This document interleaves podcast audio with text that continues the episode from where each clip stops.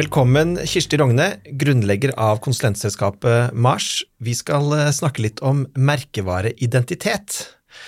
Hva er det egentlig vi snakker om eh, når vi snakker om merkevareidentitet? Veldig mange vil jo tenke at det handler mye om eh, logo og farge, men det er jo mer omfattende og, og kanskje ikke komplisert, men litt mer komplisert enn det? Det er kanskje litt mer komplekst enn det. Det er klart Logo kan være en viktig del av det, en fargepalett kan være en viktig del av det. men når vi jobber med å definere merkevareidentiteter, så tenker vi at eh, den identiteten har noen jobber å gjøre på vegne av merkevaren. Og da er en av de jobbene er jo det å være identifiserbar. Og så er en annen jobb det å være identisk, at man kan være Man kan ha en identitet som alle som leverer på vegne av den merkevaren, vet hva er, sånn at den kan være lik hver gang vi møter den, at vi møter den samme identiteten. Uh, og så den siste jobben, som kanskje er den aller viktigste, det er at merkevareidentiteten er det man identifiserer seg med. Ikke sant? Det skal være noe man kan identifisere seg med. Hvis man skal være glad i en merkevare, så bruker man den gjerne i sitt eget identitetsbyggende prosjekt. Og da må merkevareidentiteten være noe man uh, anerkjenner. Da. Så deler av det handler jo om, om å bli gjenkjennbar. Altså Jeg er i hvert fall ikke sånn på, når jeg er på butikken at jeg leser innholdsfortegnelsen eller innholdet på pakken før jeg bestemmer hva jeg skal kjøpe. Det er jo ofte ganske raske beslutninger på ting som er gjenkjennbart, eller jeg vet at uh, det bakepulveret er det jeg kjøper, eller andre typer ting. Det andre handler om identifikasjon. ikke sant? At jeg ønsker da Det er noen drikker som er mer assosiert med type sport, andre mer med hygge. Er det, er det riktig resonnert? Eh, ja, og veldig mange av disse avgjørelsene vi tar, er jo helt automatiske.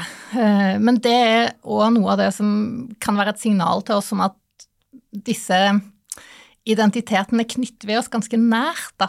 At man eh, faktisk Jeg kan ikke si eksakt hva som er forskjellen på Jarlsberg og Norvegia, eksempel. Men jeg vet at vi er en Jarlsberg-familie. Så da, da er det det vi spiser. Da plukker vi den opp. Fordi sånn er vi.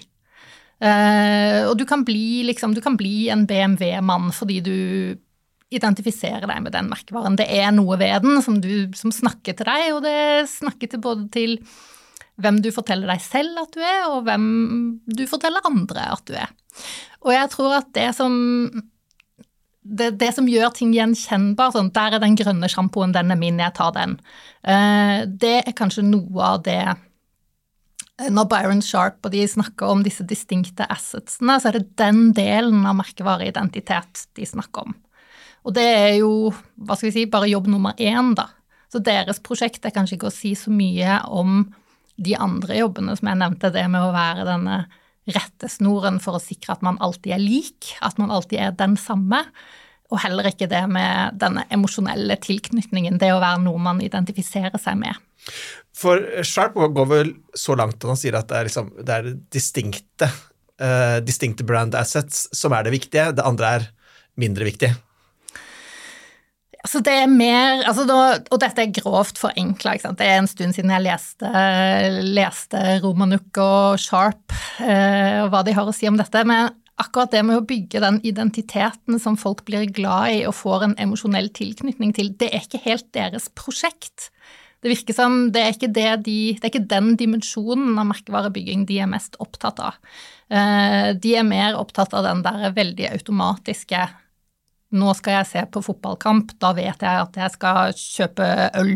Eller nå skal jeg se på film, da vet jeg at jeg skal kjøpe popkorn, og så kjøper jeg det popkornet jeg kjenner.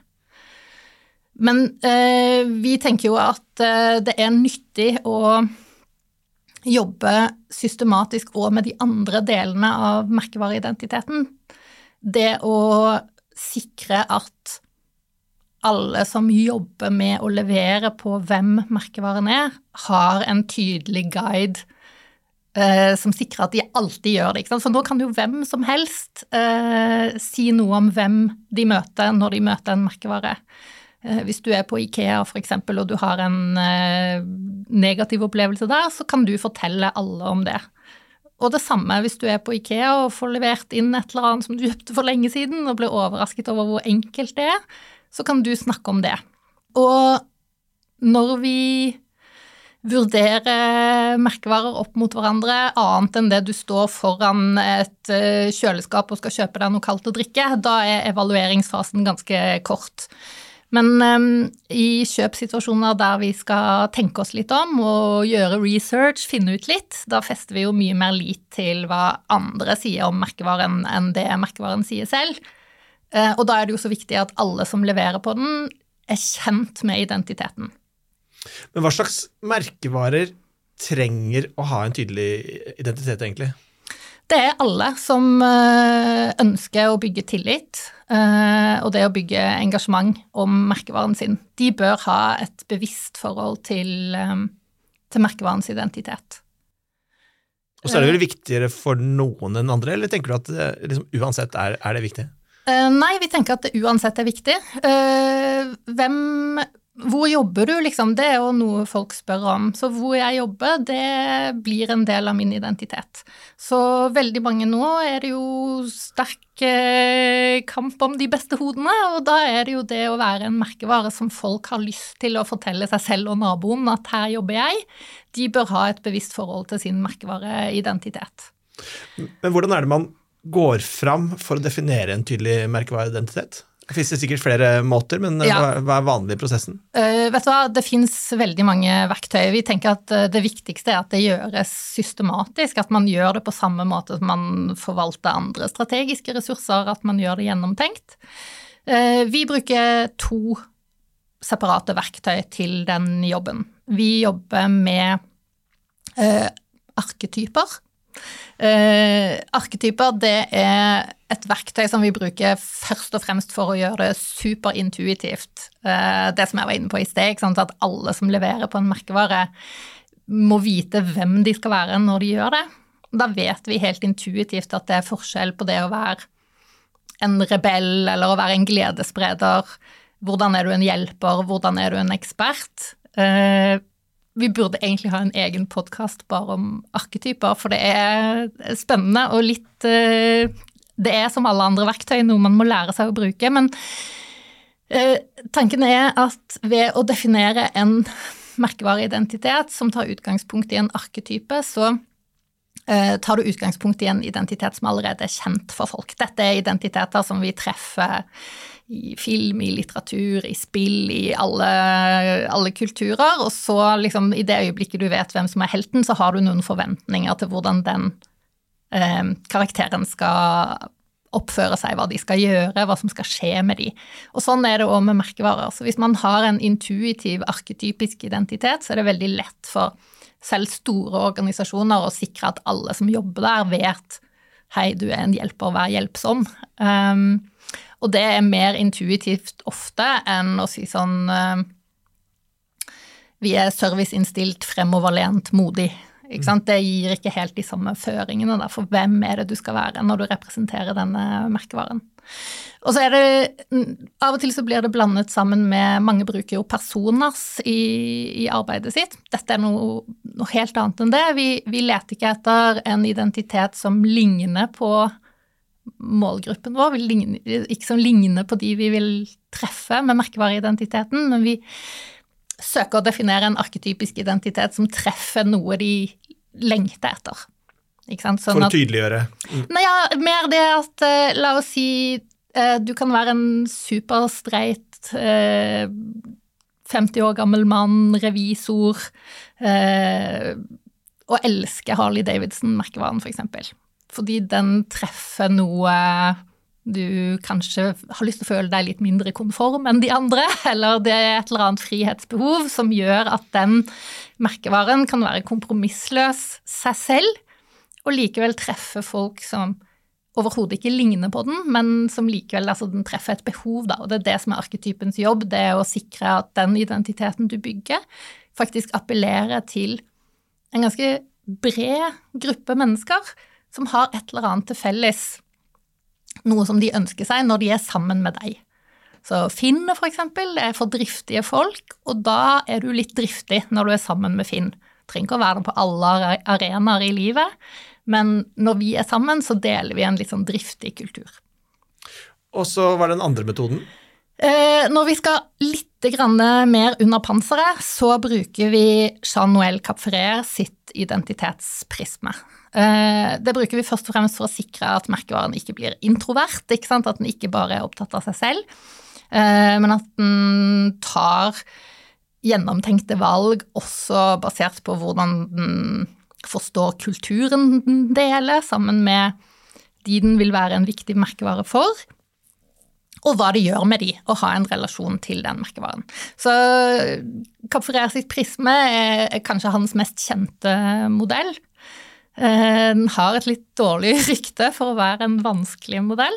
Men er det veldig komplisert? Eh, nei, vi syns at det ryktet er ufortjent. Det er egentlig en ganske enkel kommunikasjonsmodell, sånn som vi lærte på, på ungdomsskolen, de fleste av oss, i hvert fall de som er gamle som meg.